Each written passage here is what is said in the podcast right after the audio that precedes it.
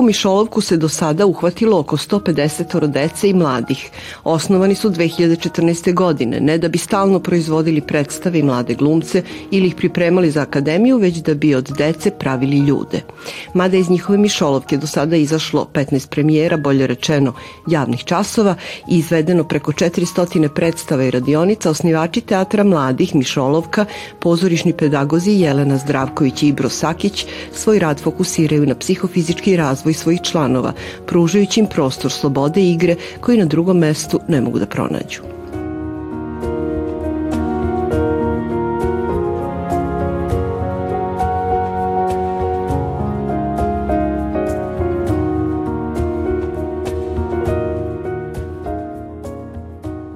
Ibi i Jelena su ne uče nas samo glumi, nego nas uče pre svega da budemo ljudi, ovaj, što je pre svega jako značajno, ne samo zbog toga čime ja želim da se bavim, nego uopšte za čitav život, što je nekako jako značajno. Teatr Mladih Mišolovka je poseban zato što samo, samo, samo takav jedan postoji u Novom Sadu.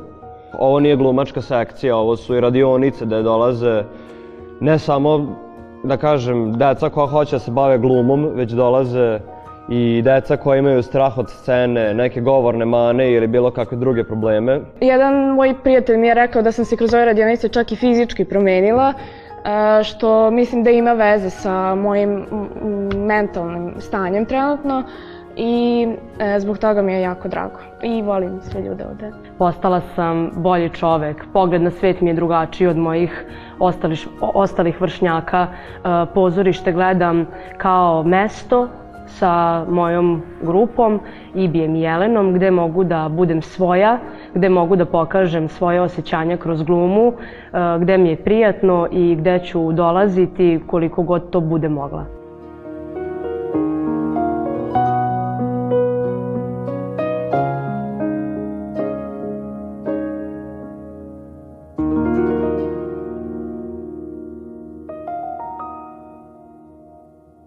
Mišolovka, ja bih je možda definisala kao prostor za mlade, u okviru koga oni mogu da na prvom mestu spoznaju sami sebe, jer jako dobro znamo da, da sebe u stvari upoznajemo kroz odnos sa drugim ljudima. To nam je neophodno da bismo saznali ko smo u stvari mi.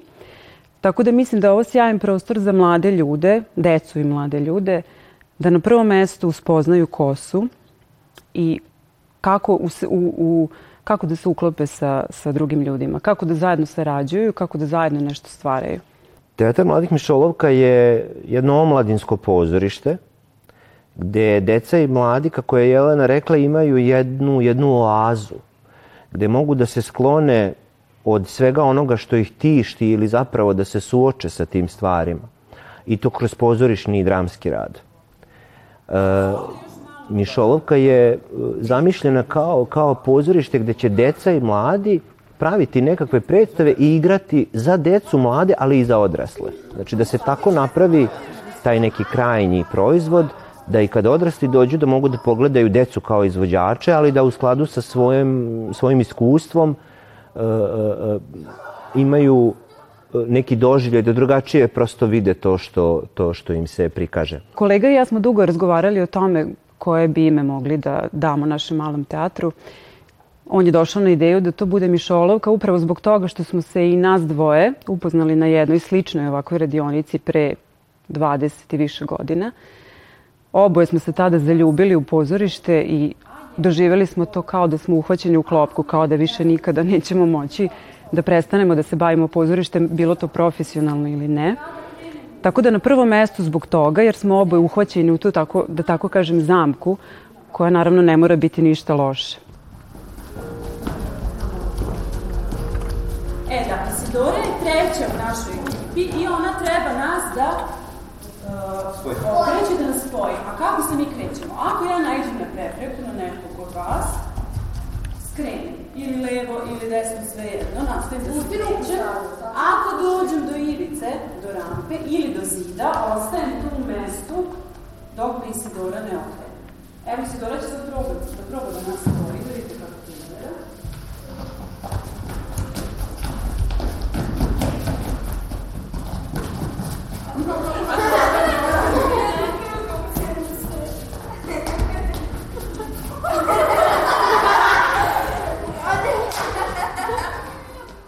Mada su se poznavali još od srednje škole, Jelena Zdravković i Ibro Sakić su te kada su to godine i iskustvo dozvolili rešili da osnuju teatar mladih Mišolovka, da bi dve godine kasnije na Akademiji umetnosti u Novom Sadu upisali master program primenjeno pozorište radi unapređenja svoga znanja.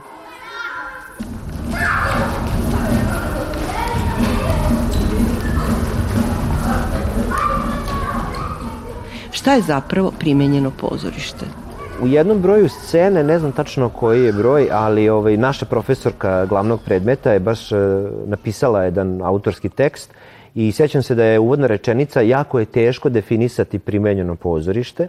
A ja ću pokušati sad onako kako sam svojoj majici objašnjavao, jer ona isto je rekla, si ti glumac, si ti reditelj, šta si ti? Ovaj, primenjeno pozorište je e, pozorište zajednice i pozorište za zajednicu. Dakle, kada jedan dramski pedagog dođe u neku zajednicu, znači deca od petog do osmog razreda su jedna zajednica, a na primer e, klub penzionera to je druga zajednica. Ja se pojavim kod njih i e, negde kroz dramski rad, kroz radionice istražujemo koje su to teme koje bi, na primer, te penzionere zanimale. I kada dođemo do određenih tema i do poklapanja i preklapanja, onda e, e, se sa njima razgovara o tome da možda i problema koje oni iznose zapravo na sceni, dođe se do toga da, e, da ih se pita hoćemo da možda napravimo neku predstavu koja će e, e, e se ticati, koja će izneti ove vaše probleme u javnost, odnosno da uključimo i publiku. I oni, na primjer, kažu hoćemo. Tada se radi na, na dakle na, tom, na toj predstavi koja je predstava primjenog pozorišta, a da bi ona bila predstava primjenog pozorišta, ona mora uključivati angažman publike. Ambasadorka Velike Britanije, Rebeka Darcy. Gospodin Veljko Petrović.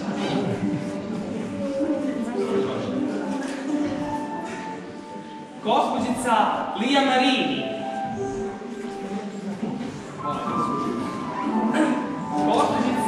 Nađa Alanca. Gospođica Andrijana Montina.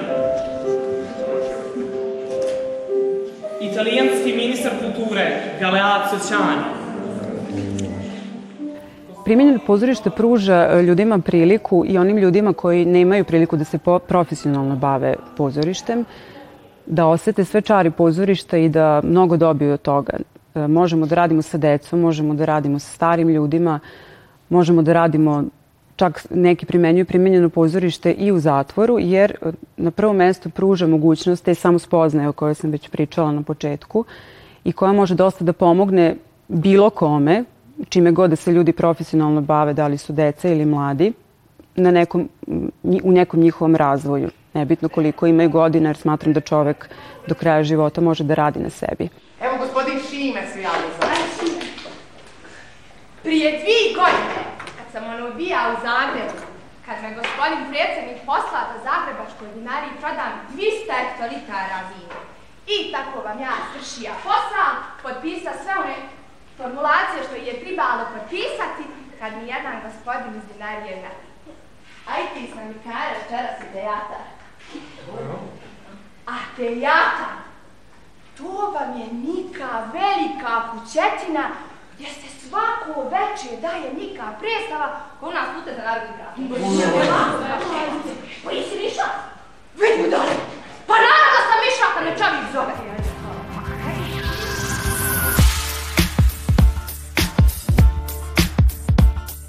Šta podrazumeva formulacija psihofizički razvoj dece i mladih koja stoji zacrtana kao programski cilj Mišolovke? Šta je to što oni ovde dobijaju što ni na jednom drugom mestu ne mogu da pronađu?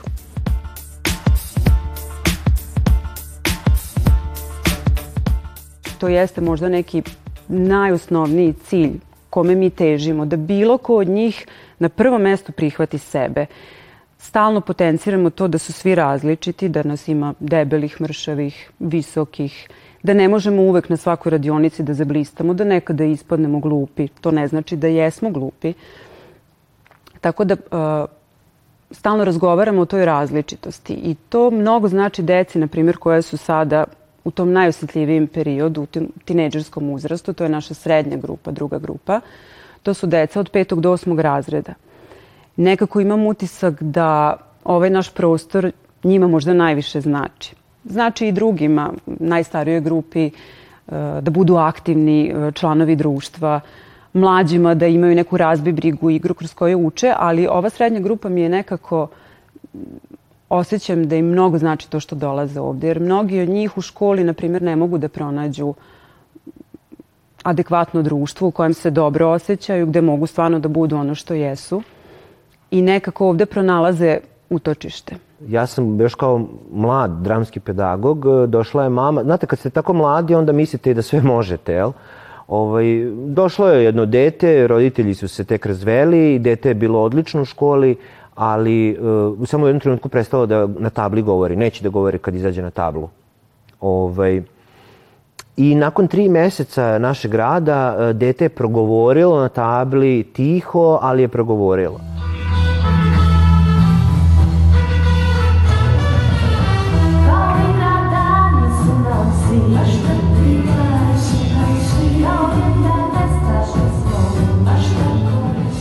Kada radimo na javnom času, to je predstava, mi ga uvek zovemo javni čas, jer roditeljima stalno naglašavamo da nije cilj ta predstava, taj javni čas, cilj je proces kroz koji mi prolazimo da bismo došli do tog javnog časa. Taj proces naravno ima uspone i padove kao i svi procesi i bude tu zamora materijala, naravno da im dosadi, bude i svađe, bude i plakanja, ali to je sve deo života i oni sa nama nauče da to prihvate i da izguraju taj da tako kažem, loš period koji prati svaki proces i da na kraju izađemo kao pobednici, da ipak izguramo e, šta god radimo, kojom god pričom se bavili i mislim da ta zaokružena celina i mnogo znači kao poruka da će u životu šta god budu radili će morati da prolaze i kroz teže periode. To ne znači da treba da odustanu, nego aha, sad je ovaj težak period, sad se svađamo, sad nam je svega dosta, ali to samo znači da smo blizu cilja. I to će im sigurno u životu značiti da, da ove, ne odustaju. Mi imamo, evo, za šest godina postojanja uh, jednog, uh, da, ne, dvoje reditelja, dvoje, dvoje ovaj, studenta režije, uh, jednu dramaturškinju i sad ne znam da li sam nekog zaboravio, ali evo i ove godine dvoje naših je ušlo u uži izbor na glumi. To su veliki uspesi i e, nama je drago kad se neko od njih zaljubi tako u pozorište da želi profesionalno da se bavi time do kraja života i mi ih naravno podržimo, ali ne idemo protiv roditelja. Ako su roditelji protiv, mi se tu ne mešamo, eventualno možemo s roditeljima da porazgovaramo i da kažemo šta mi mislimo ako nas pitaju.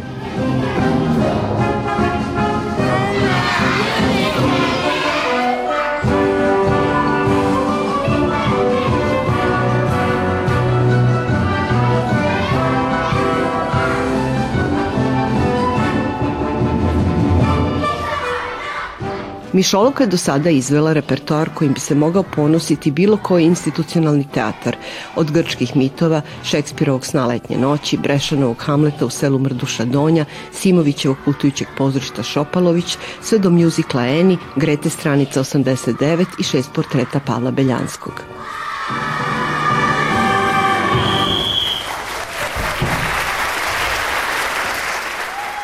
Bilo koji od tih predstava koje smo radili do svake smo došli na neki drugačiji način. E, do nekih kroz razgovor sa decom, pa oni spomenu da ih to zanima, kao na primjer grčki mitovi, pa onda krenemo to da istražujemo, dođemo do toga.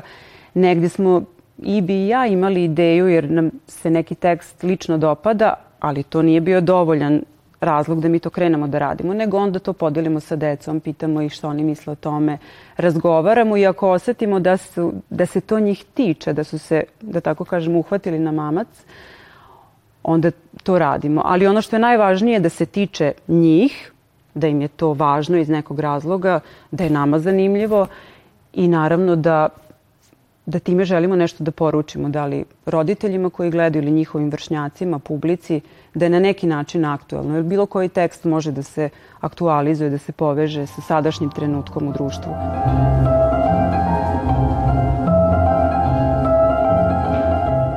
Mi smo imali pre dve godine grupu koja je taman ulazila u taj uh, tinejdžerski, u pubertet To je grupa koja je bila, njima je bilo teško da podignu sobstvenu nogu, sobstvenu ruku. Znači, posle njih Jelena i ja smo bili u goloj vodi od znoja, e, koliko smo energije ulagali u to da ih motivišemo, da ih e, pokrenemo, fizički da ih pokrenemo, a kamoli mentalno.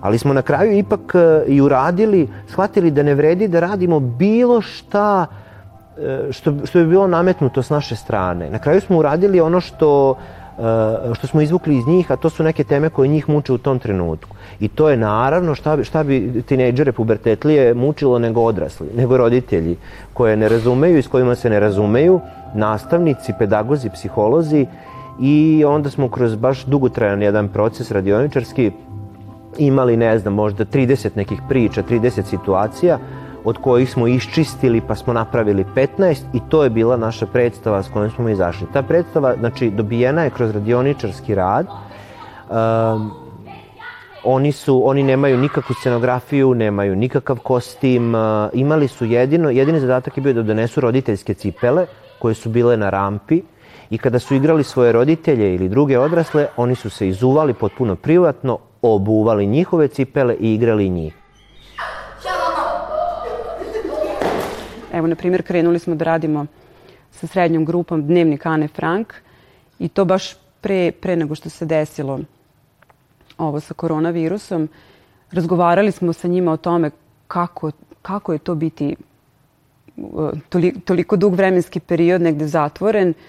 Uh, njima se dopala ta tema, naročito što je Ana Frank bila njihov vršnjak u tom trenutku, tako da ima i mnogih drugih uh, tema koji, koje se vezuju za pubertet i koje se njih tiču i nakon toga se eto desila ta izolacija, pa je onda taj tekst dobio još neku težinu. Pa treba da skinete crninu, gospođo Simka. Brzo, brzo. Novonastala situacija sa epidemijom koronavirusa naterala je Mišolovku da napravi pauzu u radu i pronađe drugačiji način komunikacije sa svojim članovima. Pa Viber, e, ne znam, čuli smo se sa ovim starijima, oni su srednjoškolci i studenti, sa uh, tom srednjom nekom generacijom koji su od petog do osmog razreda, ovaj, i sa njima, njima smo dosta slali uh, literature, ne znam, sve što smo mogli da pronađemo vezano za Anu Frank koju sa njima radimo.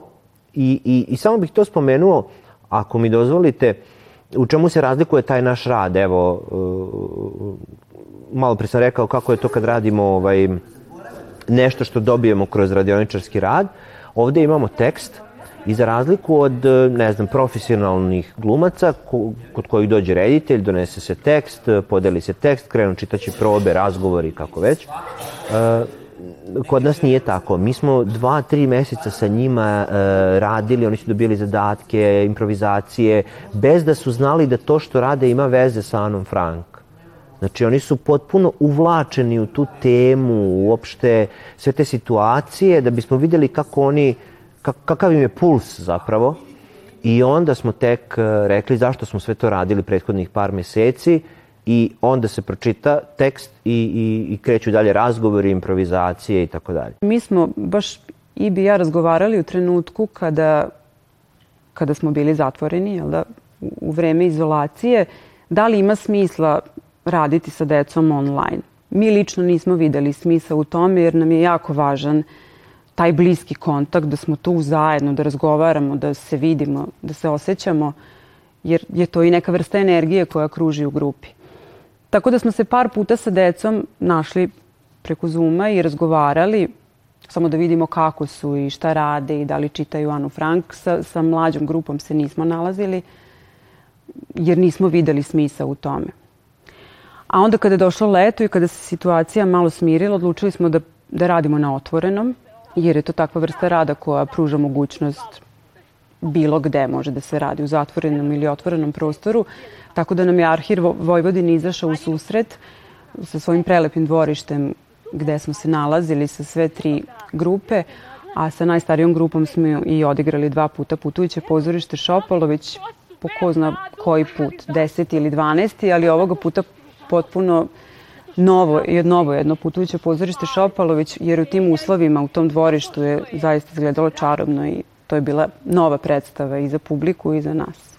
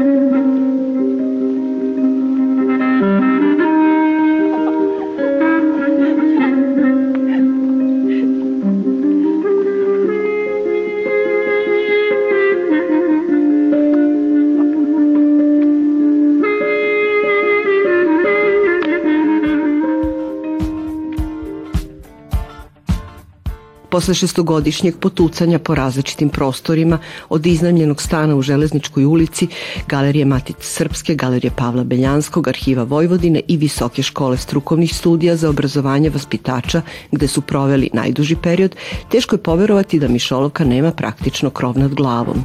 U ovom trenutku do duše uživaju gostoprimstvo Kulturnog centra Novog Sada, ali zar je moguće da za njih nema trajnog rešenja u ovom gradu? A to što se tiče krova nad glavom, da, moj kolega i ja, evo već, ovo nam je šesta godina kako radimo, nemamo još uvek krov nad glavom, snalazimo se, ali moram da priznajem da, da ponestaje snage. Iako u ovom gradu ima mnogo ljudi zainteresovanih da pomognu, e, ipak je mnogo lakše kada ste svoj na svom i možete da organizujete rad i da ne razmišljate o nekim sporednim stvarima o kojima ne bi trebalo da razmišljate kao na primjer gde ćemo sutra raditi, da li smo sigurni, nego da se posvetimo samo tim mladim ljudima. Sad trenutno smo eh, evo ostvarili saradnju sa kulturnim centrom eh, grada Novog Sada i oni su nas eh, oni su nas udomili, ugostili i dozvolili su nam, pružili su nam prosto eto prostor za rad, ovaj na čemu smo veoma zahvalni jer ne znam gde bismo gde bismo radili. I e, ja verujem da će biti, da, da ima volje, ali, ali kažem, nema, nema prostora. Nema prostora koji bi mogli biti ustupljeni nama ili nekom drugom. Kako se ovo kreće jeste da ide teško, ali ide uzlaznom putanjom. Na prvom mestu deca uživaju u ovom radu, sve više dece dolazi ovde, roditelji nas podržavaju, prepoznaju da se mi dajemo svim srcem toj deci za nas se čuje najviše od usta do usta po preporukama, a prepoznaju to institucije. Ne sve i ne uvek, ali dovoljno je da imam te tri svetla primera i da se stvari ipak nekako kreću. Tako da ja sam optimista i mislim da to negde ide i dalje uzlaznom putanjom i da će doći do trenutka kada ćemo se možda i mi institucionalizovati. Želim da verujem u to.